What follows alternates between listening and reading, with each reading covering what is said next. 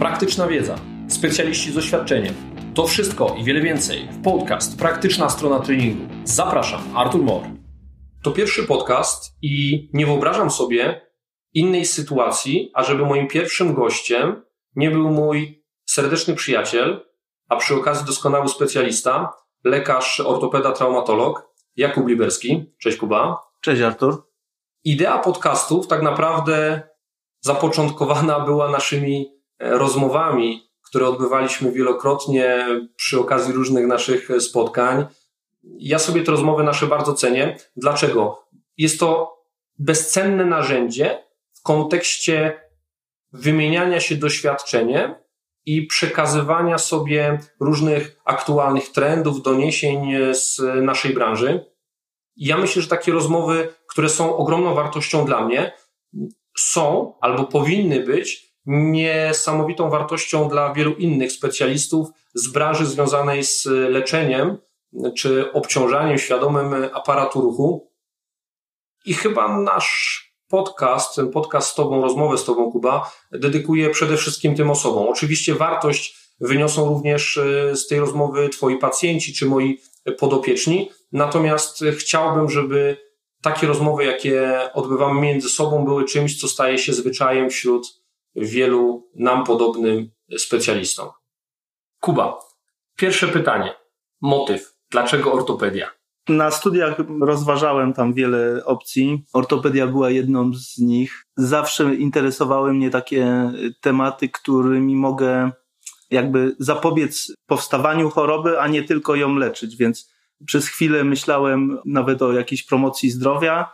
Natomiast był to temat wtedy na tyle słabo rozwinięty, że no właściwie trudno byłoby to rozwinąć. Natomiast ortopedia jest bardzo szeroką dziedziną E, ja się zawsze ruszałem, zawsze lubiłem sport, byłem aktywny, więc pomyślałem, że będę przede wszystkim miał do czynienia ze sportowcami, z ludźmi aktywnymi, a poza tym e, ortopedia dotyczy wszystkich. Dotyczy dzieci, dorosłych, no, ludzi w każdym wieku.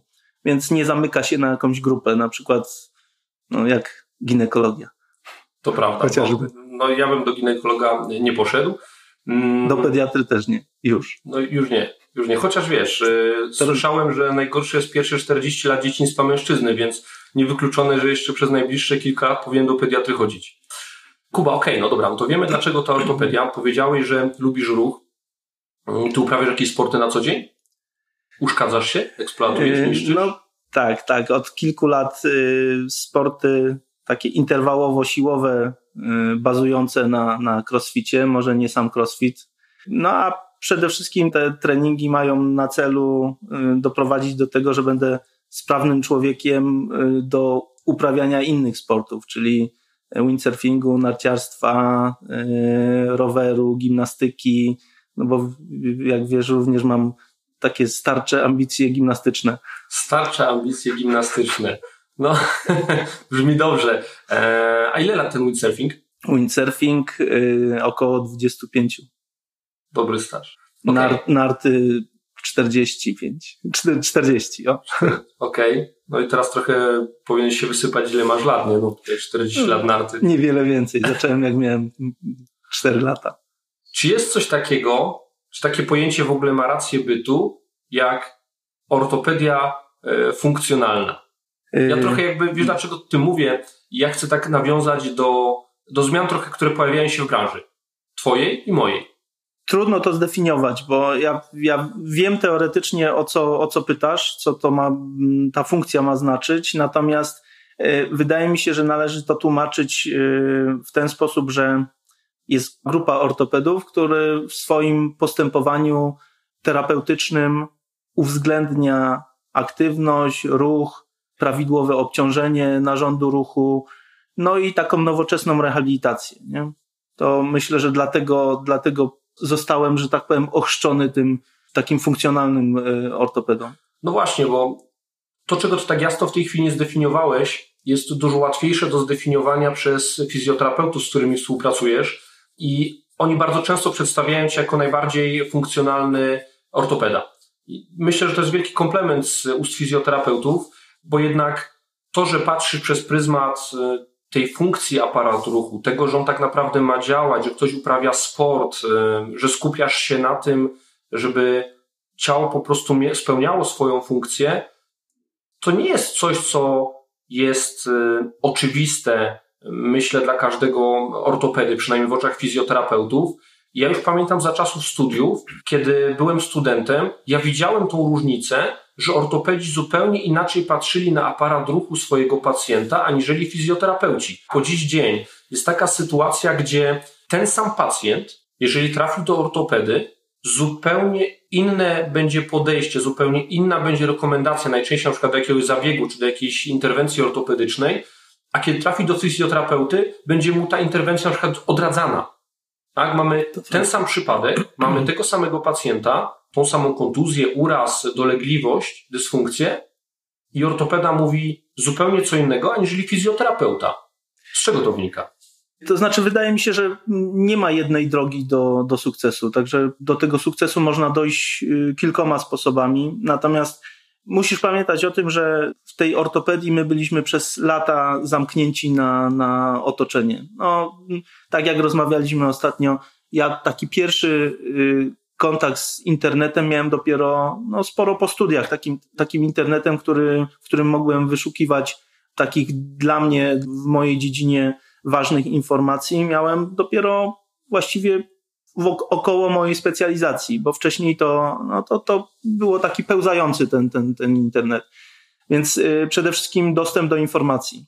Na moich oczach ta ortopedia się bardzo zmieniła. To znaczy, ja zawsze wyszukiwałem y, tych takich informacji, które mówiły o tym, że ruch poprawia fun funkcję narządu ruchu, tak? No bo de facto, de facto ten narząd ruchu został do tego stworzony, żeby się, żeby się poruszać, a nie, y, że tak powiem, założyć, zagipsować go na trzy miesiące, co nie było takie rzadkie w tej ortopedii, która była, tak mówiąc kolokwialnie, w tych starych czasach. No ja bym powiedział inaczej. Ta ortopedia w tych czasach, o których mówisz, bazowała na tym. To znaczy, rekomendacja, żeby zakipsować jak coś uszkodzone, no to była pierwsza rekomendacja, jaką się otrzymywało od ortopedy. Jak ja wszedłem do zawodu, to panowała taka opinia właściwie takiej niemieckiej szkoły y, AO. Ja nie znam niemieckiego, więc nie potrafię przytoczyć tej nazwy. W każdym razie skrót tej organizacji to jest AO, która rekomendowała na przykład przy naprawie y, struktur kostnych, czyli przy traumatologii, idealne nastawienie odłamów, które nie do końca e, uwzględniało na przykład ukrwienie tych, e, tych odłamów. Dopiero po jakimś czasie, tak no, dosłownie na przestrzeni kilku lat, e, zauważono, że jednak ktoś musi mieć ukrwienie, nie? Przydałoby się. No tak.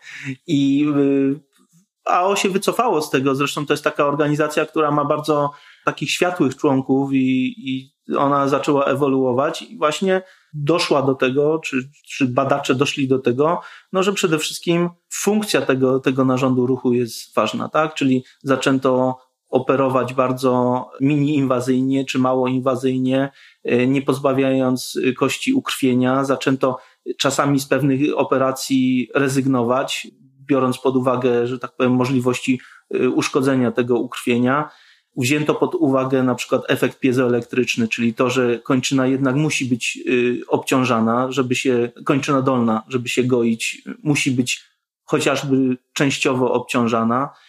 Y, no i zaczęto, że tak powiem, przedkładać właśnie to ukrwienie nad, nad idealne nastawienie odła, odłamów tych puzli y, kostnych i to, jak się okazało, przyniosło takie wymierne efekty. Wczesne uruchomienie pacjenta, czyli stabilne zespolenie i puszczenie go na ruch. No, na początku tego brakowało. Mam wrażenie, że to zmieniło zasady gry w ortopedii. Mówisz o ruchu, o ruchu, który jest potrzebny dla naszego aparatu ruchu, masło maślane, no ale nie mhm. dało się tego inaczej powiedzieć. Powiedz mi w takim razie, czy twoi pacjenci to są głównie osoby aktywne na co dzień, to są takie, które pamiętają o tej nadrzędnej zasadzie, że aparat ruchu jest stworzony do ruchu, czy raczej u podstaw ich dolegliwości leży to zaniechanie, czyli to niepraktykowanie aktywności fizycznej na co dzień. Ja bym to podzielił może na trzy grupy. Ja mam tak z grubsza mówiąc trzy grupy pacjentów. To znaczy jedna grupa pacjentów to, to jest taki overuse, takie ewidentne przeciążenie tego na, narządu ruchu. To tak jest... się poznaliśmy. tak, tak. To są ludzie, którzy uprawiają bardzo dużo sportu, być może jest zbyt mało regeneracji w tym, no to jest taki wysoki wyczyn. I to są na przykład, nie chcę tutaj przytaczać jakichś pojedynczych przypadków, ale, ale jednym z nich jesteś ty na przykład. Na przykład to, to jest grupa wyczynowo uprawiających sporty drużynowe. To zaliczyłbym ich do tej grupy, tak? Statystycznie w sportach drużynowych, zwłaszcza tam, gdzie występuje kontakt, ta urazowość jest największa, tak? Jeżeli jest taki Zgadza wskaźnik, ilość e, kontuzji, urazów na tysiąc godzin uprawiania sportu, no to te sporty drużynowe, zwłaszcza kontaktowe, wiodą prym. One są w czołówce. Ja pracuję w takim ośrodku, w którym, no, generalnie my jesteśmy kojarzeni jakby z takim y, profilem mm, jakby pacjenta. Więc ja prawdopodobnie mam statystycznie więcej tych pacjentów niż, niż taki ortopeda pracujący na przykład w poradni gdziekolwiek indziej. Druga grupa, która jest, mam wrażenie, równie liczna albo bardziej liczna jeszcze niż, niż ta pierwsza, to jest grupa pacjentów, którzy absolutnie zaniechali e, aktywności fizycznej. To znaczy, podejrzewam, że około 40% e, mojego takiego dziennego profilu pacjenta to są właśnie ci ludzie. Czyli u których dolegliwości bólowe narządu ruchu biorą się po prostu z y, braku aktywności. Rozmawialiśmy wielokrotnie o, o tym syndromie martwego pośladka, który y, jakby kultywujemy w swojej współpracy, prawda? Czy y, to jest główna grupa pacjentów, którą ci podsyłam, prawda? To prawda, to prawda. Niedziałające pośladki. No. Tak. I myślę, że to jest teraz epidemia i ja w ogóle jestem z tej religii tylnej taśmy mięśniowej, którą wyznaję i uważam, że, że ona jest przyczyną bardzo wielu problemów. No a poza tym problemy posturalne związane z tym, że siedzimy, barki mamy w pozycji protrakcyjnej, głowa jest w protrakcji, no, hyperkifoza piersiowa, hiperlordoza mięśniowa, nic tego nie, nie, nie trzyma de facto, tak mówiąc kolokwialnie. Natomiast trzecia grupa pacjentów to są pacjenci, którzy mają po prostu wydarzyła się jakaś nieszczęśliwy wypadek przy okazji normalnego funkcjonowania. I no, oni są takim przypadkowym, że tak powiem, moim pacjentem. I którzy najgorzej rokują? To znaczy z Twojej praktyki zawodowej, którzy w tym ostatecznym rozrachunku skończą z największymi problemami, jeżeli chodzi o dolegliwości aparatu ruchu? To upraszczając to pytanie, lepiej się ruszać nawet w nadmiarze, czy lepiej po prostu siedzieć i nic nie robić? Wydaje mi się, że jednak rokowniczo ta grupa, która jest przeciążona, e, rokuje najgorzej. To znaczy, jeżeli chcą dalej uprawiać sport, jeżeli, mm, że tak powiem, trwają w tym, w tym swoim sporcie wyczynowym, a narząd ruchu jest już uszkodzony, to rokuje najgorzej. To znaczy, e, nie uda mi się wyprowadzić tego tak całkowicie na, na, na prostą ta grupa, o której mówiliśmy, czyli tych ludzi bardzo mało aktywnych, u nich naprawdę mały, drobny bodziec y, zmienia wszystko. Jeżeli ci ludzie chcą się uczyć, chcą się edukować, to to jest naprawdę moim zdaniem prosta rzecz. No nie wiem, czy ty to potwierdzisz. Ja mam dokładnie takie same obserwacje. Jeżeli zaczniemy lekko obolały, ale zdrowy aparat ruchu, bez jakichś zmian strukturalnych obciążać, to zdecydowanie to lepiej rokuje po prostu kończy się stuprocentowym sukcesem, tak? No bo nie mamy jakiegoś, jakiejś zmiany strukturalnej, nie mamy trwałego uszkodzenia, degeneracji, jakiejś patologii. Po prostu jest jakiś ból, e, w cudzysłowie, funkcjonalny, który jest do wyprowadzenia dodaniem odrobiny siły, tam gdzie trzeba, poprawą wzorców ruchowych. Zakresu jasne. ruchu. Tak, to po prostu lepiej, lepiej rokuje. Sportowcy to jest faktycznie problematyczna grupa. Ja rozwinę ten temat, ale trochę obecne media społecznościowe, obecne środowisko trenerów na podstawie takich e, szczątkowych informacji związanych z tym, co jest dobre dla aparatu ruchu, wpędzają te osoby w jeszcze większe przeciążenia. To znaczy, ta taka sieczka informacyjna, która w tej chwili jest e, w różnych źródłach, sprawia, że sportowiec, jak już doprowadził do jakiejś małej kontuzji, małego urazu, on myśli, że poprzez jakieś tam ćwiczenia akcesoryjne, poprzez jakieś zabiegi, będzie w stanie nad tym zapanować, będzie w stanie sprawić, że będzie normalnie trenował, zapominając o tej fundamentalnej zasadzie, to znaczy ponadprzeciętna eksploatacja aparatu ruchu, aparatu ruchu eksploatacja dla wyczynu, kiedy tutaj tym celem jest wyczyn sam w sobie, jest y, takim uszkadzaniem tego aparatu, przeciążaniem, że no nie ma sposobu, żeby temu trochę zapobiec, tak? No bo nie możemy za cel sobie stawiać, podnosić coraz to więcej, biegać coraz to szybciej, skakać coraz to wyżej i oczekiwać, że jakiś magiczny model postępowania, jakiś magiczny protokół usprawniający, prewencyjny sprawi, że nas ta degeneracja nie dopadnie, tak? Tak, wiele rozmawiamy o superkompensacji, o y, periodyzacji treningu i czasami w tym nowoczesnym sporcie, a właściwie można powiedzieć nie czasami, tylko zazwyczaj w tym nowoczesnym sporcie po prostu nie ma na to czasu. Czasami nie ma na to czasu, a czasami nie ma wiedzy, może trudno mi to y, określić. Y, ja nie wiem, czy ja ci podsyłałem taką prezentację, którą kiedyś robiłem dla trenerów w której mm, uwzględniono czasy gojenia się y, tkanek. Czyli na przykład y, jest uraz jakiejś grupy mięśniowej, rozerwanie czy naderwanie y, struktury i czas, w którym się te struktury goją. Ja się spotykam bardzo często z takim pytaniem od zawodników, trenerów, to kiedy on może grać? Nie? Czyli dzisiaj naderwał kulszowo-goleniowe, ja tego pacjenta oglądam i pytanie jest, to kiedy on może grać? ja oczywiście żyję w tym środowisku i wiem, jaki jest jakby podtekst tego y, pytania, bo zawsze za trzy dni jest najważniejszy mecz życia, który zmieni wszystko w karierze tego człowieka.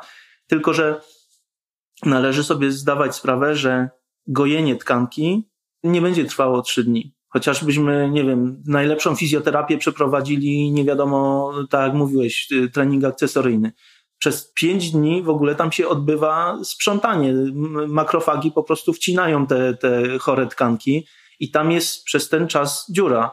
Taka pierwotna blizna, y, która jest mało wartościowa, niezorganizowane ma te włókna kolagenowe, tworzy się po sześciu tygodniach. I trzeba pamiętać, że ta blizna się będzie przebudowywała do dwóch lat. Tak, więc my musimy o tym wiedzieć i zawodnik i, i trener musi wiedzieć o tym, że puszczenie tego człowieka do aktywności za 10 dni, bo tak najczęściej, że tak powiem, do tego, do, do tego dąży to nasze postępowanie, to jest pójście na olbrzymi kompromis, tak? Czyli musi być człowiek świadomy tego, że, że tam absolutnie nie ma żadnego wzrostu, żadnej blizny, tam jest po prostu dziura w tym mięśniu. No ale sport to zdrowie, ale utracone. To, to wiemy i tego, tego, tego nic nie zmieni. Sport wyczynowy, bo to trzeba też podkreślić. No tak, to prawda, sport e, wyczynowy. A gdzie jest ta granica pomiędzy sportem wyczynowym a amatorskim? No bo, no wiesz, bo sobie często mówimy, że sport wyczynowy to utrata zdrowia, nie róbcie tego, nie uprawiajcie tego sportu wyczynowego, nie gońcie za wynikiem, bo tu zawsze na szali jest wasze zdrowie, które koniec końców e, będzie tą walutą, którą, która będzie, którą będzie dokonana płatność, tak? Faktury z uprawiania sportu. I teraz, jak ty byś nakreślił tą granicę? Myślę, że teraz nie można tego podzielić w ten sposób. Kiedyś to było proste. No, ludzie, którzy zarabiali, zarabiali ze sportu, to byli zawodowcy, tak? A teraz zmieniło się to o tyle, że właściwie są amatorzy, którzy uprawiają więcej sportu niż wyczynowcy. Ćwiczą mocniej i częściej. Tak, no zresztą mamy wspólnych znajomych, y, czy tam wspólnych pacjentów, którzy, którzy wiemy, że, że trenują bez opamiętania, prawda? Teraz wszyscy właściwie coś uprawiają, jakiś sport, tak? To prawda. Ja, ja tą grupę już nie dzieliłbym tylko na dwie, na sport wyczynowy i amatorski, tylko sport zawodowy, czyli ci, którzy z tego zarabiają, sport amatorski, rekreacyjny i sport amatorski wyczynowy, ten dla wyczynu. Tak? Czyli amator też czasami chce dokonać tego własnego, prywatnego wyczynu, goni jakiś tam wynik. Często kosztem w ogóle całego życia, prawda? No bo wiemy, że, że ci ludzie pracują w zupełnie innych branżach, tak? czyli normalnie y, na etacie, czy, czy mają swoje firmy, czy, czyli poświęcają czas pracy, a wolny czas poświęcają na bieganie. Tak? Dzieje się to kosztem snu, kosztem życia rodzinnego, kosztem wszystkiego, prawda? I przede wszystkim regeneracji, tak? Czyli no, na pewno nie mają takich możliwości regeneracji, jak mogliby mieć sportowcy, których to jest zawód, prawda? Dokładnie. No, oni skupiają się na tym, żeby trenować, jeść, spać, i w kółko. Nie? No, przynajmniej tak powinno być w teorii, a jak jest to, to, to wiemy też. Wiesz, ja swoją dużą część mojej uwagi i czasu poświęcam na to, ażeby odpowiednio gdzieś mm, zarządzać, może tak, edukować się w zakresie działań, które zmierzają do poprawy regeneracji moich podopiecznych, bo faktycznie, jeżeli trafia do mnie ktoś, pacjent czy tam podopieczny, który jest właśnie tym sportowcem ćwiczącym dla wyczynu, najczęściej amatorem, to pierwszym jego zaniedbaniem w jego rutynie dnia jest właśnie ograniczenie ilości snu albo jakości tego snu. No, wiemy, że ten sen jest kluczowym czynnikiem dla regeneracji. Nie ma takiego suplementu czy nawet leku, który jest w stanie gdzieś nam skompensować te deficyty snu. Będzie to zawsze wpływało na pogorszenie e, możliwości regeneracyjnych naszego organizmu. I naprawdę, jak robię wywiad z takim moim pacjentem, który trafia czy od ciebie, czy trafia innym kanałem, to pierwsza rzecz, która mi się zawsze rzuca w oczy, to jest deficyt snu. Rzadko kto śpi regularnie po 8 godzin. Ja wiem, że ten ilość snu, którą potrzebujemy, będzie osobniczo różna, natomiast no, trudno mi sobie wyobrazić osobnika, który przy intensywnym obciążeniu zawodowym i treningowym będzie mówił, że jemu 5-6 godzin snu wystarcza i staje wypoczęty. Nie, on to najprawdopodobniej staje wypoczęty, bo jest jakaś kompensacja hormonalna, on po prostu ma wrażenie, że on jest wypoczęty, ale gdzieś te procesy regeneracyjne postępują prawidłowo i to najczęściej z moich obserwacji prowadzi do tych paskudnych, mówię paskudnych, bo one są ciężkie w leczeniu takich kontuzji przeciążeniowych, takich nawarstwiających się mikrourazów, tak? To nie jest nagły tak. uraz, tylko te tkanki po prostu nie nadążają z regeneracją względem bodźca, który jest im fundowany. I to jest ten sen. Czyli jak ja bym dzisiaj miał coś jeszcze w tej rozmowie zarekomendować, to to bym powiedział, dbajcie o sen, bo unikniecie większości kontuzji e, przeciążeniowych. No zresztą masz przed sobą człowieka, który mało śpi no, z racji natłoku różnych rzeczy i braku czasu na sen ale, ale czuję konsekwencje tego. Tak, no to jest ta świadomość. To, to zresztą mi wielokrotnie mi to powtarzasz i namawiasz mnie na to, żeby, żeby to zmienić, natomiast jest to chyba rzecz, którą w najmniejszym stopniu potrafię zmienić w moim trybie życia. No jest to niewątpliwe wyzwanie. Ja myślę, że ten sen tak. tyczy się nie tylko naszej specjalizacji, tylko większości specjalizacji, tak? Twoich kolegów, zaburzenia gdzieś tam psychiczne czy zaburzenia endokrynne, tak. no to będą Zgadza spowodowane się. gdzieś tam. Zespoły metaboliczne. Dokładnie, tak.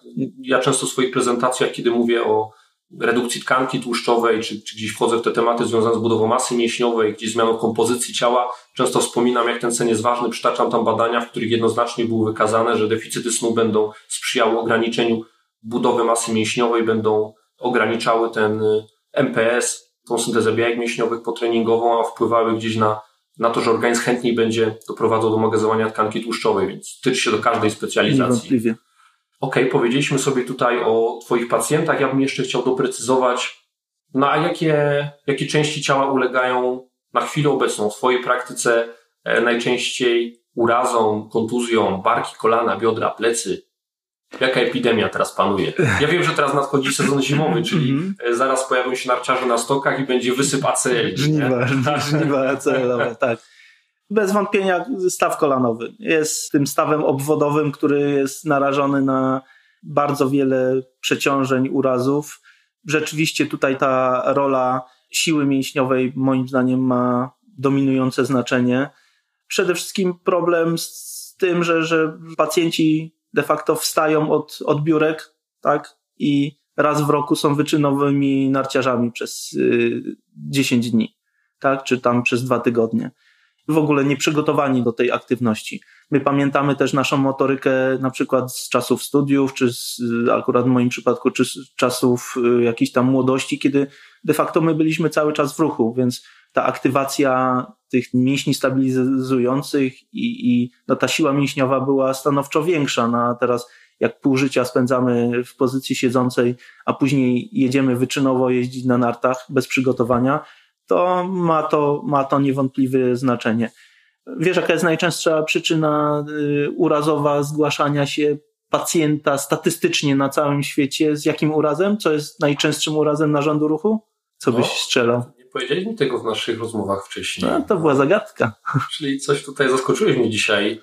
No, no, nie wiem, no ja strzelam, że, że kolana, tak? Bo ja na przykład jak sobie robiłem gdzieś tam jakiś research, no to ten e, PFPS, Patellofemoral Pain Syndrome, to jest najczęstszy powód zgłaszania się właśnie dla, do ortopedów. Statystyczny najczęstszy powód zgłoszenia się do izby przyjęć czy do SOR-u y, z narządem ruchu to jest skręcenie stawu skokowego na całym świecie. Okay. To ja już nie pamiętam teraz statystyk, nie chcę tego przekłamać, ale to jest ponad 20 mm, parę procent pacjentów.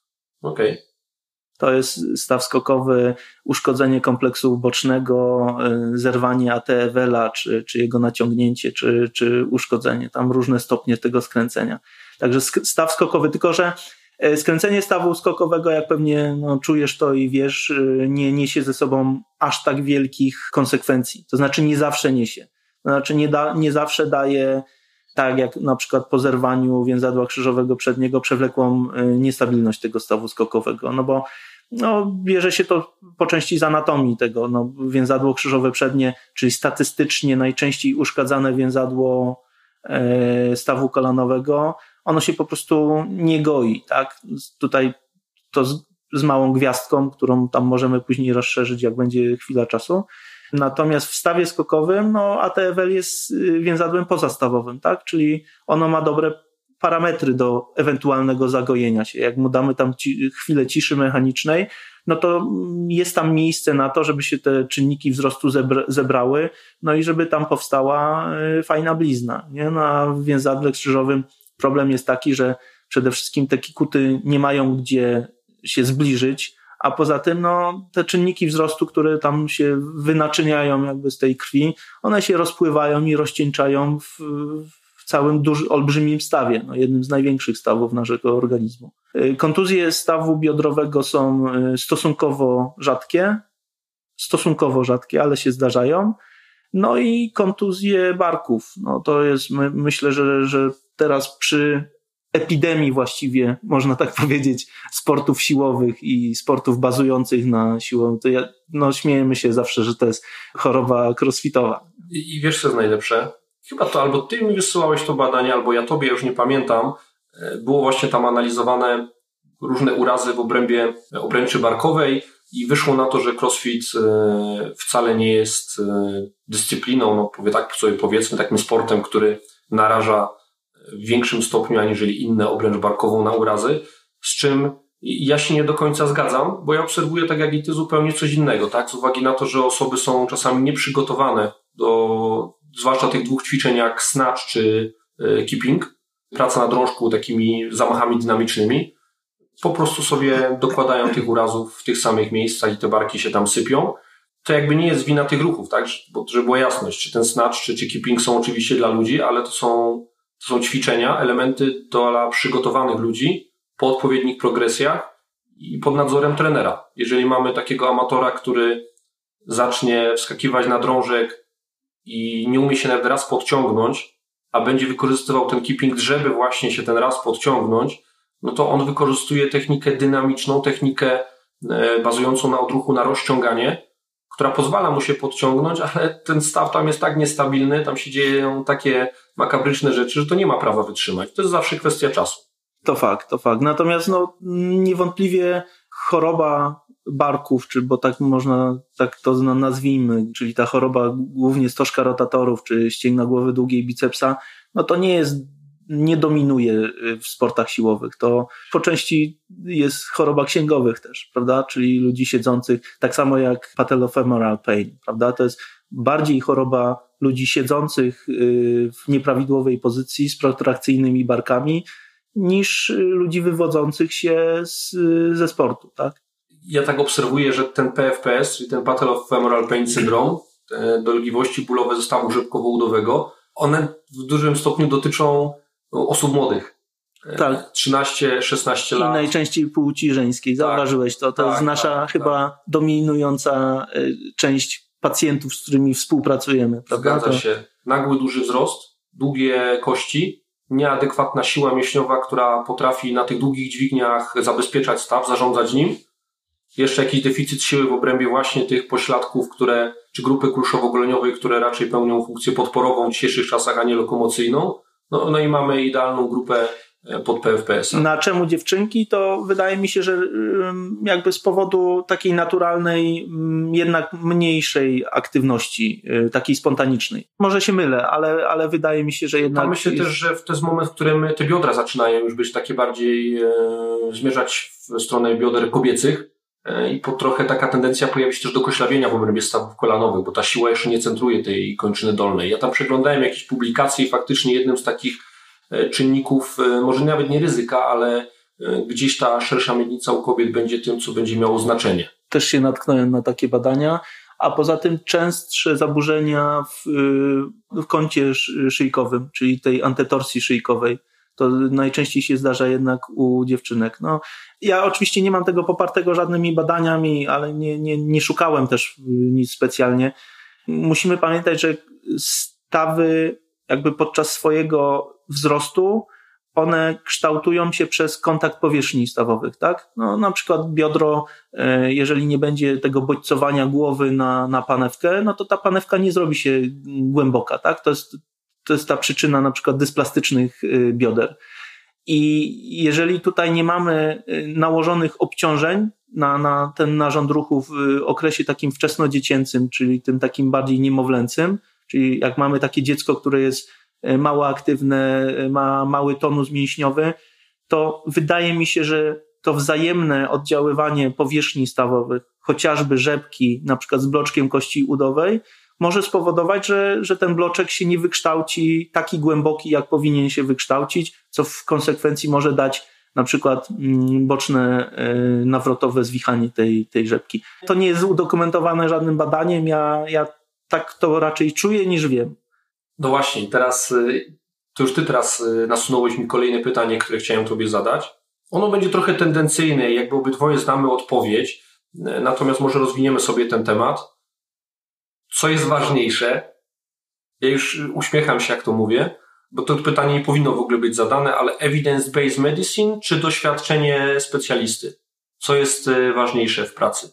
Wiesz co, wydaje mi się, że kiedyś bym ci powiedział tak powiedzmy 10 lat temu, powiedziałbym ci, y, że EBM, Evidence-Based Medicine ponad wszystko, dane, twarde dane, zrobione na dobrych badaniach, na grupach y, podwójnie zaślepionych, y, ma najwyższą wartość, że jakby opinia jednego fachowca, jednego specjalisty nie może przeważyć nad dobrze zaprojektowanym badaniem. Natomiast w miarę jakby nabierania doświadczenia w leczeniu tego narządu ruchu, wydaje mi się, że jednak taka wiedza jednostkowa, czyli takie, takie odczuwanie jakby pewnych, e, pewnych rzeczy. No, ty po prostu, jak pracujesz odpowiednio długo w zawodzie, jak się jakby analizujesz swoje wyniki, krytycznie patrzysz na swoje wyniki leczenia, to jednak masz takie czucie tych tkanek. Czujesz, że coś pachnie powikłaniami. No po prostu jest jakby wielokrotność spotkania się z tym, z tym problemem pokazuje ci też takie, takie rzeczy, które są nieopisane. I rzeczywiście to doświadczenie takie jednostkowe moim zdaniem ma równie ważne znaczenie jak y, ewidencjonowana wiedza, natomiast niewątpliwie trzeba bazować na EBM-ie. No, czyli mamy tutaj podobne zdanie. Fajnie, że to podkreśliłeś, czyli 10 lat temu, no 10 lat temu no nie byłeś początkującym specjalistą, że jakieś doświadczenie miałeś, Niemniej faktycznie, jeżeli ktoś zaczyna swoją przygodę z medycyną, e, czy w ogóle pracu, zaczyna pracę z e, człowiekiem jakiejkolwiek specjalizacji, no to bez wątpienia powinien bazować na evidence-based medicine, bo po prostu EBM zawsze wtedy wygra z jego jeszcze zdobytą wiedzą i doświadczeniem, bo będzie dużo bardziej wartościowe. Natomiast jak zaczyna zdobywać to doświadczenie, to zaczyna zauważyć, że pracuje z człowiekiem. Najczęściej ja przynajmniej widzę, że nie mamy tylko jednego problemu na tapecie, tylko kilka i czasami jakieś wybrane badanie EBM no, jest niewystarczające, żeby na podstawie niego leczyć pacjenta, bo, bo nie leczymy tylko tej jednej rzeczy. Poza tym ta grupa badanych w tym EBM e, mogła e, być zupełnie inna, aniżeli ten pacjent, e, którego w tej chwili leczymy. No problem jest y, z tym, co, o czym wielokrotnie rozmawiamy, że najczęściej to jest równanie z nieskończoną mm, ilością niewiadomych, tak? I jak my zmieniamy jeden parametr, czy tam dwa parametry i analizujemy tylko te dwa parametry, to nie zawsze wiadomo, co my badamy, prawda? No, rozmawialiśmy też o statystyce, prawda, że ona niesie ze sobą pewne zagrożenia, tak? No bo no jak, powiedz to. Jak jedną nogę mamy, w, to, jest, to jest zdanie mojego taty, który zawsze, który jest naukowcem i zawsze mówi, że jak mamy jedną nogę w temperaturze zero, w wodzie 0 stopni, drugie w 100 stopniach, no to mamy przeciętnie nogi w 50 stopniach. No. A tych gołąbkach? A to jest jeszcze drugie, że, że jeden je kapustę, drugi je mięso, więc statystycznie jedzą gołąbki. No właśnie, no i trochę, trochę tak są statystyką. Nieodmiennie jest. cię to bawi, nie? Cały czas, dlatego chciałem, żebyś to powiedział. Ja pamiętam też, jak miałem zajęcia z, czy z metodologii badań naukowych, czy zajęcia ze statystyki na uczelni, no to już wtedy nas uczulano na to, jak ta statystyka potrafi być omylna. Niestety, mówię niestety i to mówię z pełnym takim przekonaniem, Często jest tak, że idziemy do statystyka z jakimiś tam badaniami, no, zdarzają się takie pytania, a co ma wyjść? No, i, i, I, trochę e, czasami te badania, też samo to projektowanie badań albo pogoń za ilością publikacji też niesie ze sobą pewne zagrożenia. No i mamy e, publikacje, które opierają się na grupie 10 osób, gdzie e, koniec końców doszło do badania tylko 5 osób, a 5 zostało gdzieś tam dopisanych, tak, jakieś uśrednione tak. te wyniki. No nie powinno się tak dziać, ale no jednak miejmy świadomość, no żyjemy w świecie realnym, i czasami pobudki, które kierują osobami, które robią badania, nie są stricte naukowe, tylko potrzebują tych e, badań do jakichś tam publikacji, punktów tak. do e, rozwoju swojej kariery. I, I, oczywiście, jeżeli bazujemy na pojedynczym badaniu, no to uważam to z duży, dużym ryzykiem błędu. E, jeżeli bazujemy na metaanalizach, no to to jest już oczywiście to ryzyko dużo mniejsze, no bo to są badania bazujące na dużej próbie. No ale mimo wszystko, tak, wiemy jaka ta nauka jest, to co dzisiaj wydaje się być już, wydaje się być faktem, no, może się okazać za 10 lat e, być zupełnie innym faktem. Tak, no a poza tym no, jest stare prawo Heisenberga, który mówi, że zawsze badacz ma wpływ na badanego i na badanie, tak? Także to jest niezmienna rzecz. Oczywiście. Dobra, powiedzieliśmy sobie, bo zaczynamy zbaczać trochę z tego głównego tematu, jakim jest ortopedia. Wchodzimy gdzieś tutaj e, w badania naukowe. Najmniej sprawna grupa sportowców i dlaczego to są piłkarze? tak zwane pytanie z tezą. E, tak, można, można taki wysnuć taki wniosek. Wiesz, żeby była jasność, bo to jak ja często gdzieś e, wytykam jakieś błędy, czy jestem krytyczny wobec czy jakiejś grupy, czy jakiegoś twierdzenia, to nie wynika to z tego, że jestem hejterem, bo to jest takie modne teraz słowo, no tylko wynika to z tego, żeby ktoś przyjął moje argumenty, oczywiście, że one są, i teraz ma do wyboru. Albo wybić mi te argumenty, dając swoje, które są dużo bardziej wartościowe i mnie przekonają, no albo wyciągnąć wnioski e, na podstawie tego, co mu powiedziałem, jeżeli to jest prawda. I, I, ja trochę liczę na to, że ludzie będą wyciągali wnioski. Ja w mojej praktyce widzę, że grupa piłkarzy nożnych to jest najmniej sprawna grupa sportowców i im dłużej w tym środowisku siedzę, tym jestem bardziej przekonany, że to nie jest bezpośrednio ich wina, tylko to jest wina tych osób, które z nimi pracują. Wiesz co, y, można rzeczywiście tak y, wysnuć taki wniosek, to znaczy można takie uogólnienie y, zrobić. Wydaje mi się, że to jest problem naszego miejsca jakby na świecie. W sensie takim, że żyjemy w Europie, w którym ta, ta piłka nożna jest jednak najbardziej znanym sportem i takim najbardziej, najczęściej uprawianym i no, młodzi chłopcy, każdy chce być tam Ronaldo i rekrutują się, jakby ci piłkarze rekrutują się z czasami mało sprawnych y, i mało takich ruchowo dobrych y, pacjentów, tak? Ja no często, no, potrafisz roz, rozpoznać takie dziecko, które jest sprężyste, które ma wszystkie krzywizny kręgosłupa prawidłowe, które ma prawidłowe wykształcone łuki podłużne y, stopy i to, to jest taki, taki urodzony sportowiec, tak? Są takie dzieciaki. Jeżeli ono się znajdzie w gimnastyce, no to ono sobie poradzi. Natomiast dzieciak z takim obniżonym tonusem mięśniowym, z koślawymi kolanami, z brakiem y, łuków podłużnych, on wejdzie do gimnastyki i on po prostu nie poradzi sobie z tym, tak? Natomiast myślę, że, że piłka nożna jest na tyle tolerancyjna, że jak ktoś ma jakiś tam dar od Boga i potrafi się trochę ruszać, ma trochę takiego sprytu na boisku, to on może y, funkcjonować w tej piłce nożnej. I myślę, że rekrutacja z du bardzo dużej grupy pacjentów powoduje to, że to nie zawsze są tacy super sportowcy.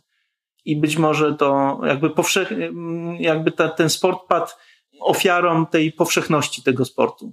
Tak, jest bardzo dostępny i niewiele trzeba, żeby mm, w miarę jakoś poprawnie tam grać, nie? Czyli każdy gdzieś tam, każdy dzieciak jest w stanie się odnaleźć jakoś w piłce, e, nawet ten nie do końca sprawny motorycznie dzieciach, nie? Mm, Czyli żeby odnosić sukcesy, spuentując to, żeby odnosić sukcesy e, w wielu dziedzinach, które po pierwsze są sportem indywidualnym, no bo tu też jakby to jest też ważne, nie? Jak jesteśmy w większej grupie, to nasze ułomności zostaną uśrednione, tak? Rozmyją się gdzieś, tak. więc w sportach indywidualnych, zwłaszcza bazujących na e, takiej przykrojowej sprawności, która musi być wyniesiona na poziomy ponadprzeciętne, no liczy się e, jednostka i to, co sobą reprezentuje. No, w grach zespołowych to zawsze gdzieś tam może umknąć e, uwadze. Tak, każdy ma, może mieć jakąś umiejętność, która może być pożyteczna dla. dla Czasami te umiejętności drużyny. motoryczne będą na drugim planie względem tych umiejętności technicznych, które dana osoba posiada. Piłka mu się klei nogi, coś tam potrafi nią zamieszać i nawet jeżeli nie jest motorycznie super sprawny, no to wydaje się, że on jest niezłym zawodnikiem.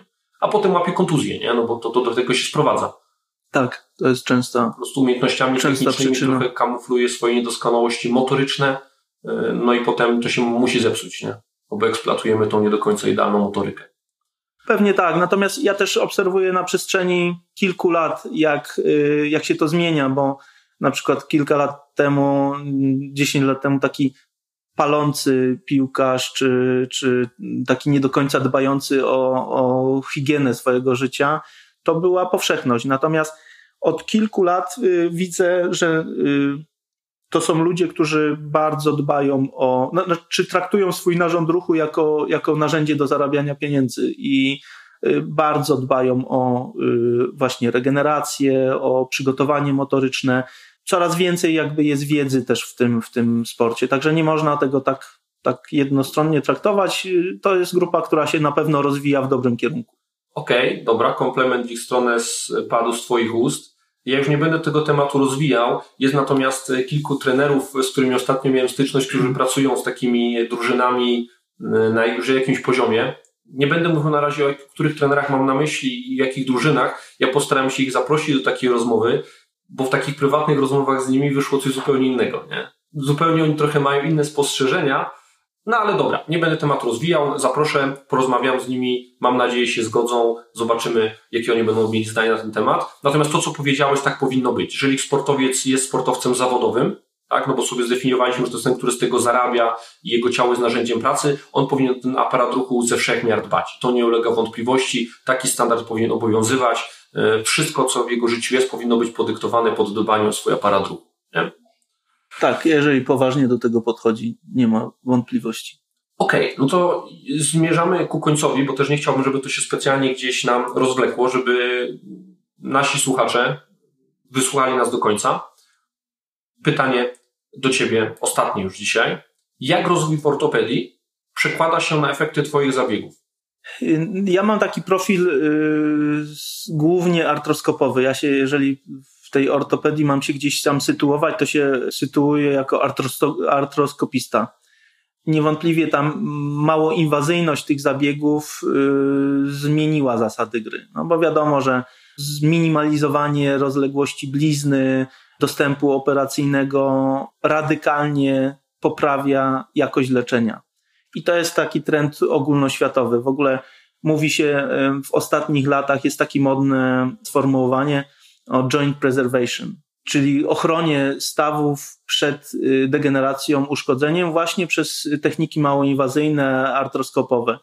Nie ma to kontynuacji i, i, zrozumienia tego na przykład w finansowaniu służby zdrowia. Ostatnio w Polsce muszę, muszę tutaj trochę ponarzekać, bo e, zabrano pieniądze z technik artroskopowych na endoprotezoplastyki, tak, po części, żeby załapać dziurę i zasypać ten, ten problem wieloletnich y, oczekiwania na, na endoprotezoplastykę, ale te pieniądze musiały się skądś znaleźć, więc zabrano je z technik rekonstrukcyjnych, tak, więc my nie możemy y, teraz skutecznie zapobiegać temu niszczeniu się tych struktur y, stawowych, tylko no, będziemy je wymieniać, tak, więc no, taka, taki trend jest w polskim płaceniu za, za procedurę. Cofamy się, a nie idziemy do przodu. Tak, tak. U mnie w głowie się zmieniło po jakby docenieniu osi kończyn.